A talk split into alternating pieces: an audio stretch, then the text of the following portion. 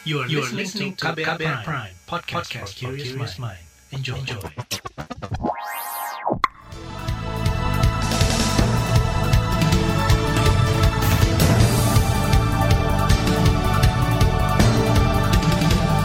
Selamat pagi saudara, senang sekali saya menjumpai Anda bersama program Buletin Pagi, edisi Selasa 5 Januari 2021 bersama saya Eka Juli. Sejumlah informasi pilihan sudah kami siapkan, di antaranya maklumat Kapolri merusak sistem demokrasi. Jokowi perintahkan menteri dan kepala daerah mengawal penyaluran Bansos 2021. 77 ribu vaksin COVID tiba di Jawa Timur. Dan inilah Buletin Pagi selengkapnya terbaru di Buletin Pagi. Dewan Pers meminta Kapolri Idham Aziz mencabut maklumat terkait konten FPI. Menurut anggota Dewan Pers Arif Zulkifli, pasal maklumat Kapolri yang berbunyi, masyarakat tidak mengakses, mengunggah, dan menyebarluaskan konten terkait FPI, baik melalui website maupun media sosial, sebagai mengancam tugas jurnalis dan media massa. Jadi ada beda tafsir yang bisa macam-macam dan ini sangat berbahaya. Karenanya Dewan Pers kemarin sudah mengeluarkan statement yang cukup tegas. Lalu kemudian bersama dengan itu juga eh, para konstituen Dewan Pers, ada AJI, PWI, IJTI, dan lain-lain eh, meminta Kapolri untuk mencabut terutama pasal 2D itu karena bisa ditafsirkan Eh, sebagai sesuatu yang bisa membatasi kebebasan pers. Itu tadi anggota Dewan Pers, Arif Zulkifli, ketika diwawancarai Kompas TV. Sebelumnya, komunitas pers yang terdiri atas Aliansi Jurnalis Independen, Persatuan Wartawan Indonesia, Ikatan Jurnalis Televisi Indonesia, dan Asosiasi Media Siber Indonesia sepakat meminta Kapolri Idham Aziz mencabut pasal 2D dari maklumat Kapolri yang dikeluarkan pada 1 Januari lalu. Juru bicara Mabes Polri, Ahmad Ramadan mengatakan, isi maklumat itu tidak ditujukan untuk produk-produk jurnalistik di media massa. Kata dia, polisi akan menindak jika ditemukan pelanggaran di lapangan. Terkait dengan penindakan tentunya adanya pelanggaran. Ya, sampai sejauh ini kita belum menemukan atau melihat ada pelanggaran yang dilakukan terkait maklumat tersebut. Jadi terkait penindakan tentunya ada pelanggaran dulu belum ada ditemukan pelanggaran yang dilakukan ya terkait dengan maklumat Kapolri nomor 1 tahun 2021 ya. Juru bicara Mabes Polri Ahmad Ramadan membantah maklumat Kapolri mengancam kebebasan berekspresi. Dia berdalih, yang dilarang adalah mengakses, mengunggah, dan menyebarkan kembali sesuatu yang dilarang atau yang mengandung unsur pidana, hoax, sara, dan mengadu domba. Menanggapi itu, anggota Komisi Hukum DPR Habibur Rahman menilai klarifikasi yang dilakukan Polri terkait maklumat Kapolri sudah tepat.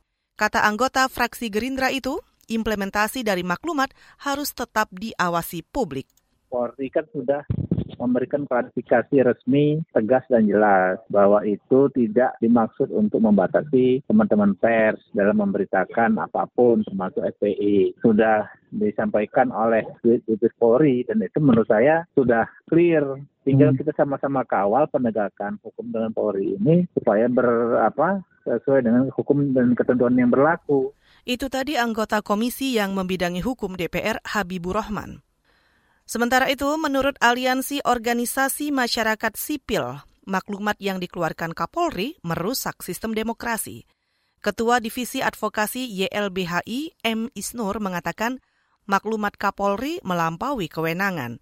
Jika itu diterapkan, kata dia, Kapolri sama saja membangkang terhadap aturan di konstitusi dan melanggar kaidah pembatasan hak asasi. Pertama gini, konstitusi itu jelas menjamin hak asasi manusia, termasuk hak atas dapat informasi. Kepolisian di sini nyata membatasi uh, warga negara untuk dapat informasi atau share informasi. Yang kedua, kalaupun mau pembatasan, Undang-Undang Dasar itu 28J jelas harus oleh undang-undang, bukan oleh maklumat Kapolri. Jadi maklumat Kapolri itu tidak boleh melebihi wewenang undang-undang karena pengaturan pembatasan terhadap uh, hak asasi manusia oleh undang-undang gitu. Ketua Divisi Advokasi YLBHI M. Isnur menyatakan maklumat tidak bisa menjadi dasar hukum untuk menindak masyarakat, sebab maklumat biasanya ditujukan untuk internal kepolisian saja. Saudara Indonesia akan mulai vaksinasi di pertengahan Januari 2021. Informasinya sesaat lagi, tetaplah di Buletin Pagi. You're listening to KBR Pride, podcast for curious mind. Enjoy!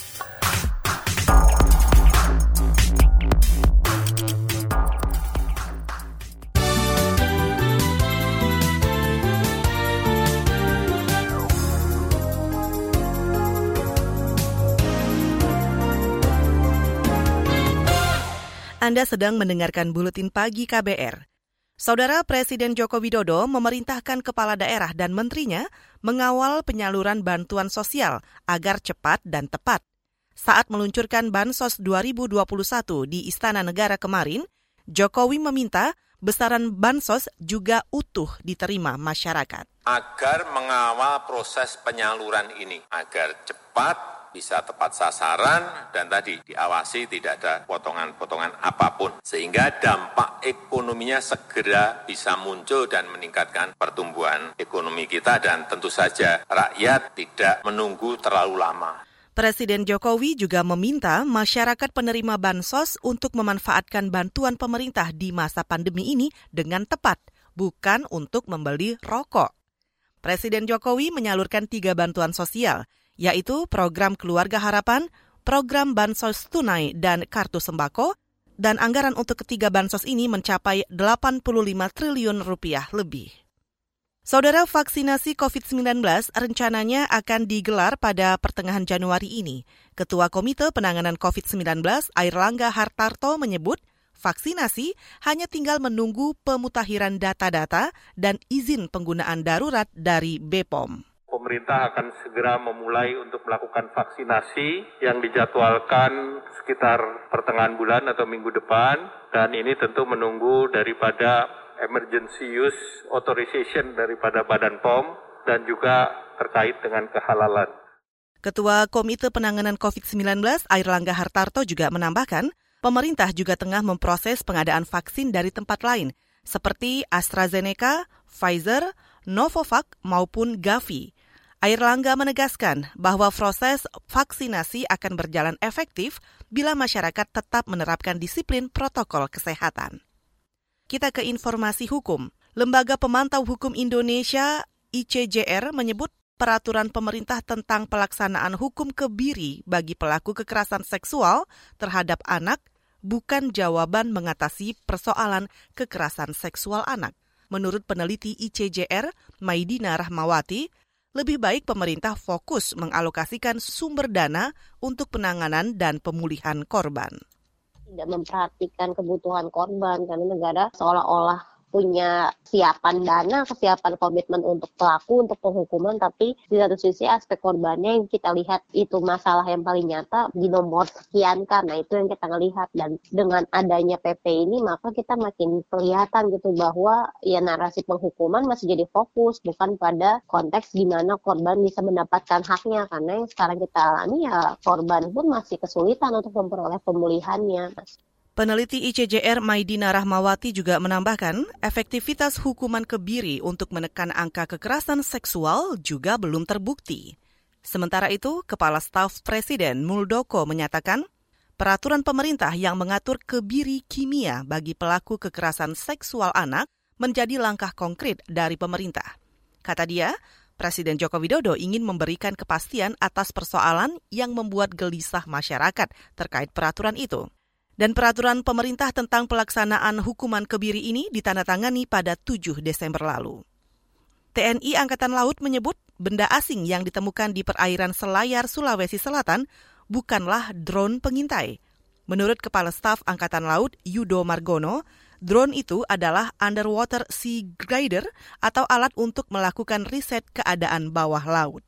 Jadi alat ini tidak bisa untuk mendeteksi kapal selam maupun mendeteksi kapal atas air kita. Jadi ini nggak bisa alat ini untuk mendeteksi seperti uh, sonar yang kita punya di kapal perang itu tidak bisa. Jadi ini hanya untuk data-data baterimetri atau kedalaman uh, apa air laut di bawah uh, permukaan.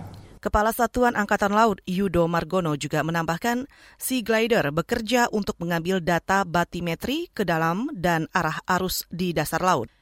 Kepala Staf Angkatan Laut akan berkoordinasi dengan Kementerian Riset dan Teknologi untuk penyelidikan drone yang diduga berasal dari Cina itu. Benda asing itu ditemukan tersangkut di jaring nelayan pada 20 Desember lalu di Kepulauan Selayar, Sulawesi Selatan. Saudara Mabes Polri akan terus mengawasi pergerakan terpidana kasus terorisme Abu Bakar Ba'asyir usai bebas murni pada Jumat ini. Dia sebelumnya menjalani hukuman 15 tahun penjara dengan remisi 55 bulan. Juru bicara Mabes Polri Ahmad Ramadan mengatakan pengawasan akan dilakukan oleh bagian intelijen Polri. Sebenarnya bukan khusus ya. Jadi sifatnya setiap orang akan dilakukan pemantauan. Jadi bukan khusus terhadap Abu Bakar Basir. Kita ada jajaran intelijen yang terus mengawasi orang-orang yang pernah melakukan tindak pidana, tindak pidana apa pun. Jadi kita punya intel dasar, mengamankan. Juru bicara Mabes Polri Ahmad Ramadan juga menambahkan, kepolisian akan melakukan pengamanan saat proses pembebasan Abu Bakar Ba'asyir dari lapas Gunung Sindur, Jawa Barat. Pengamanan itu bagian dari tugas polisi untuk menjaga keamanan dan ketertiban masyarakat. Saudara Presiden Jokowi mempertimbangkan beberapa nama yang akan dijadikan calon kepala presiden. Maksud kami calon kepala Kepolisian Republik Indonesia atau Kapolri pengganti Idham Aziz. Kepala Staf Presiden Muldoko mengatakan nama-nama itu akan dikirim ke DPR untuk selanjutnya dilakukan uji kelayakan dan kepatutan. Ya, itu sebenarnya karena ini sesuatu yang rutin ya. Prosedurnya sudah ada, tinggal menunggu waktu. Siapanya pasti sudah ada. Ya pasti ya sudah. Karena kan berkaitan dengan waktu ya. Kepala Staf Kepresidenan Muldoko mengatakan seluruh proses pengajuan nama hingga pengujian di DPR akan dilewati seluruhnya hingga ditetapkannya Kapolri terpilih. Kapolri Idham Aziz akan pensiun pada akhir bulan ini. Kita ke mancanegara. Singapura berencana melonggarkan batasan masuk bagi warga asing yang disuntik vaksin corona. Mengutip Reuters, gugus tugas penanganan COVID-19 Singapura menuturkan pemerintahnya masih melarang turis asing berlibur di Singapura. Sejauh ini Singapura hanya mengizinkan perjalanan bisnis dan kunjungan pejabat dari negara tertentu secara terbatas. Singapura juga mewajibkan warga dan penduduknya yang baru kembali dari luar negeri untuk melakukan isolasi mandiri di fasilitas pemerintah atau di tempat tinggal selama dua pekan. Singapura telah memulai program vaksinasi nasional pada 30 Desember lalu. Kita ke Liga Inggris. Liverpool takluk 0-1 saat bertandang di markas Southampton dalam laga pekan ke-17 dini hari tadi. Gol sematawayang dicetak Danny Ings ke gawang bekas timnya saat pertandingan baru memasuki menit kedua.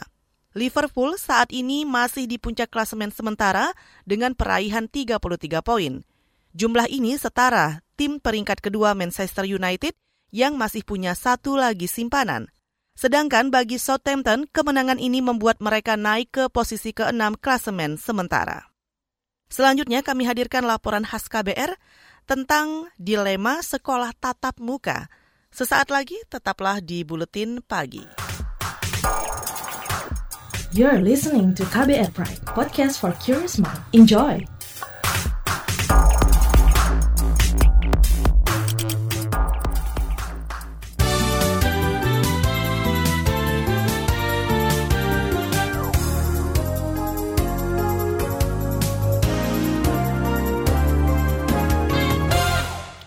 Terima kasih Anda masih bersama kami di Buletin Pagi KBR.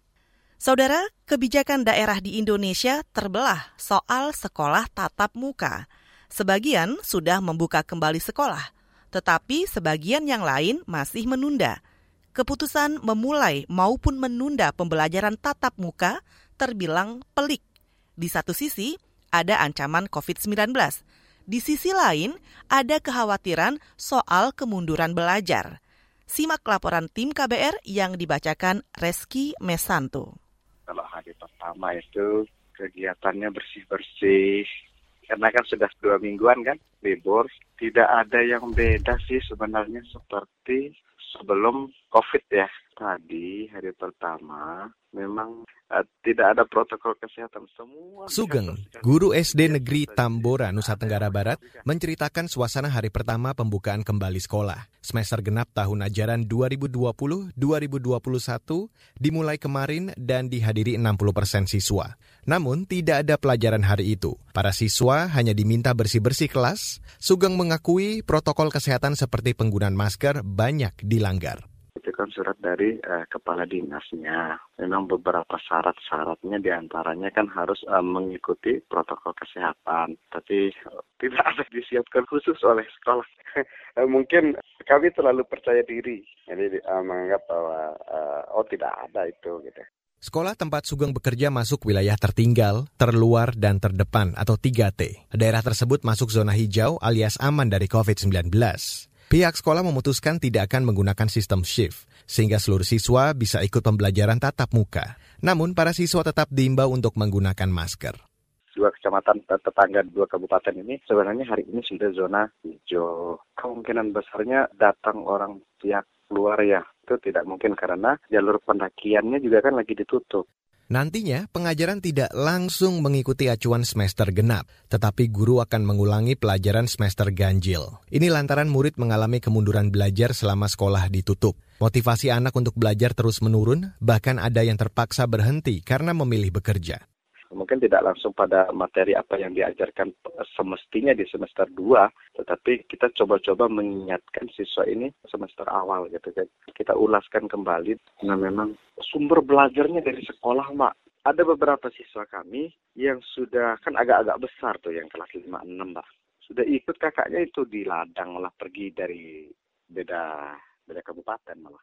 Persoalan ini juga menjadi keprihatinan Anisetus Arjo, guru di Manggarai Barat, Nusa Tenggara Timur. Sejak pembelajaran jarak jauh, semangat belajar beberapa siswa tampak makin menurun. Ada beberapa siswa di sini yang selama PJJ memang tidak proaktif dalam pembelajaran itu. Ada penurunan semangat dari anak-anak. Semakin lama ini terjadi, maka semangat untuk bersekolah juga menurun dan bisa saja nanti pada akhirnya anak-anak bisa putus sekolah. Arjo secara pribadi menginginkan sekolah kembali dibuka. Kendala geografis dan keterbatasan infrastruktur membuat belajar daring tidak efektif. Aspirasi Arjo juga diamini sekitar 50 persen guru yang disurvei Federasi Serikat Guru Indonesia atau FSGI. Situasi pandemi juga berpotensi meningkatkan angka anak putus sekolah. Badan Anak-anak PBB UNICEF mencatat sudah ada 900-an anak putus sekolah selama pandemi di Indonesia. Kepala Program Pendidikan UNICEF Indonesia, Hiroyuki Hattori, mengatakan mayoritas anak putus sekolah usia SMA karena masalah ekonomi. Kira-kira 1 persen anak putus sekolah karena dampak pandemi. 74 persen anak dilaporkan putus sekolah karena alasan ekonomi. Dan proporsi putus sekolah anak laki-laki lebih besar dibandingkan dengan anak perempuan. Tetapi anak perempuan 10 kali lebih besar kemungkinannya putus sekolah karena pernikahan dini. Menurut UNICEF, anak yang hanya belajar dari rumah berisiko besar putus sekolah. Hal ini lantaran terbatasnya fasilitas untuk belajar daring dan kurangnya pemantauan sekolah maupun pemerintah desa. Itu sebab UNICEF mendukung dimulainya pembelajaran tatap muka yang aman dan mematuhi protokol kesehatan. Sementara itu, Komisi Perlindungan Anak Indonesia atau KPAI mencatat mayoritas siswa ingin sekolah kembali dibuka. Ini tercermin dari hasil survei daring yang dilakukan pada 60 ribuan responden di seluruh Indonesia. Komisioner Bidang Pendidikan KPAI, Retno Listiarti. 78 persen responden itu menginginkan sekolah. Sebenarnya karena mereka menemui kesulitan dan memang ide mereka pun bukan berarti harus sekolah tiap hari. Mereka juga sadar bahwa pembelajaran tatap muka itu nanti tetap akan ada pembelajaran jarak jauh. Menurut Retno, keluhan dan aspirasi para siswa harus diakomodasi dan dicarikan solusi. Jika pembelajaran tatap muka yang dipilih, maka pemerintah daerah harus memastikan seluruh persiapan terpenuhi seperti infrastruktur dan protokol kesehatan. Pemda juga harus melakukan uji coba terlebih dahulu uji coba pun uh, eh, KPI meminta seperempat siswa. Artinya kalau dalam satu kelas siswa itu ada 36, maka sebenarnya yang masuk itu cukup 9 orang. Dan ada, harus dimulai dari kelas paling atas, misalnya kelas 12. Demikian laporan tim KBR, saya Reski Mesanto. Selanjutnya kami hadirkan informasi dari daerah, tetaplah di Buletin Pagi. Commercial Break. Vina, seorang volunteer dari komunitas Piho memberi pesan kepada teman-teman Broken Home untuk dapat bangkit dari keterpurukan dan mampu berdikari jangan sampai kalian menikah saat kalian belum siap. Itu penting banget. Jadi selama masih muda nikmati aja masa mudanya. Carilah hal-hal positif yang bermanfaat buat masa muda kalian. Sehingga nanti kalian ketika pun sudah memiliki pasangan, mau mencari pacar misalkan atau sudah ingin menikah, kalian sudah benar-benar matang agar apa yang kalian alami tidak terjadi kembali kemudian hari. Simak obrolan selengkapnya dalam podcast Disco Diskusi Psikologi dalam episode Bangkit dari Keterpurukan dan Berdikari di kbrprime.id dan platform mendengar podcast lainnya.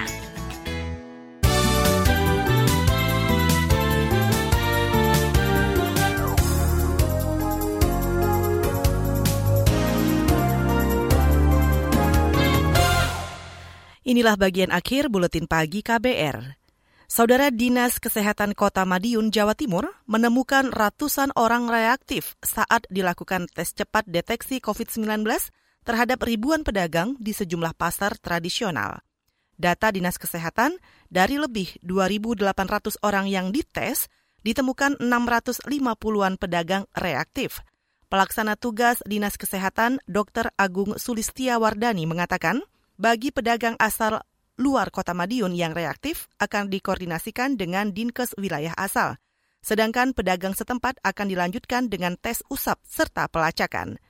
Dinas Kesehatan juga meminta pedagang pasar tradisional meningkatkan kewaspadaan dan disiplin menerapkan protokol kesehatan dalam beraktivitas setiap hari. Masih dari Jawa Timur, pemerintah provinsi mengatakan sebanyak 77 ribu lebih vaksin COVID-19 produksi Sinovac tiba kemarin – Kepala Dinas Kesehatan Jawa Timur, Herlin Ferliana, mengatakan jumlah itu masih jauh dari target lebih 300 ribu dosis yang akan direalisasikan di awal tahun ini. Imunisasi yang kita tunggu tadi dua jam yang lalu sudah sampai di Dinas Kesehatan Provinsi Jawa Timur. Jumlah yang kami terima adalah 77.760 ya, 77.760. Sebetulnya jumlah ini uh, dibanding dengan perencanaan awal, perencanaan awal itu Jawa Timur menerima 316.000. Kepala Dinas Kesehatan Jawa Timur Herlin Ferliana juga menjelaskan vaksin itu akan didistribusikan kepada pekerja kesehatan di rumah sakit maupun fasilitas kesehatan kemudian menyusul penyedia layanan publik. Vaksinasi COVID buatan Sinovac akan didistribusikan ke pemerintah kabupaten kota setelah izin edar darurat dari BPOM keluar. Beralih ke Kalimantan Timur, pemerintah kota Balikpapan menunda rencana sekolah tatap muka yang semula dijadwalkan 12 Januari mendatang. Wali Kota Balikpapan, Rizal Effendi, mengatakan salah satu pertimbangannya adalah melonjaknya kasus terkonfirmasi positif COVID-19 di kota itu.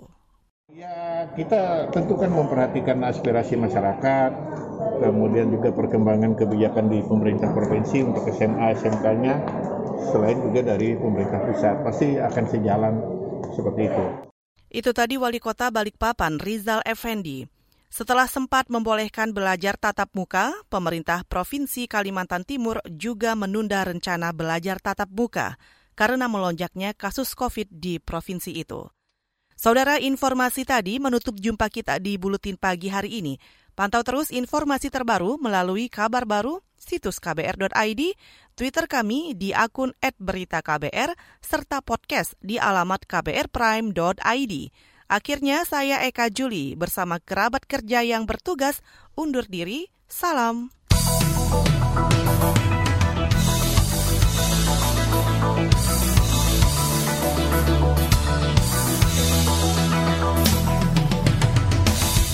KBR Prime, cara asik mendengar berita. KBR Prime, podcast for curious mind.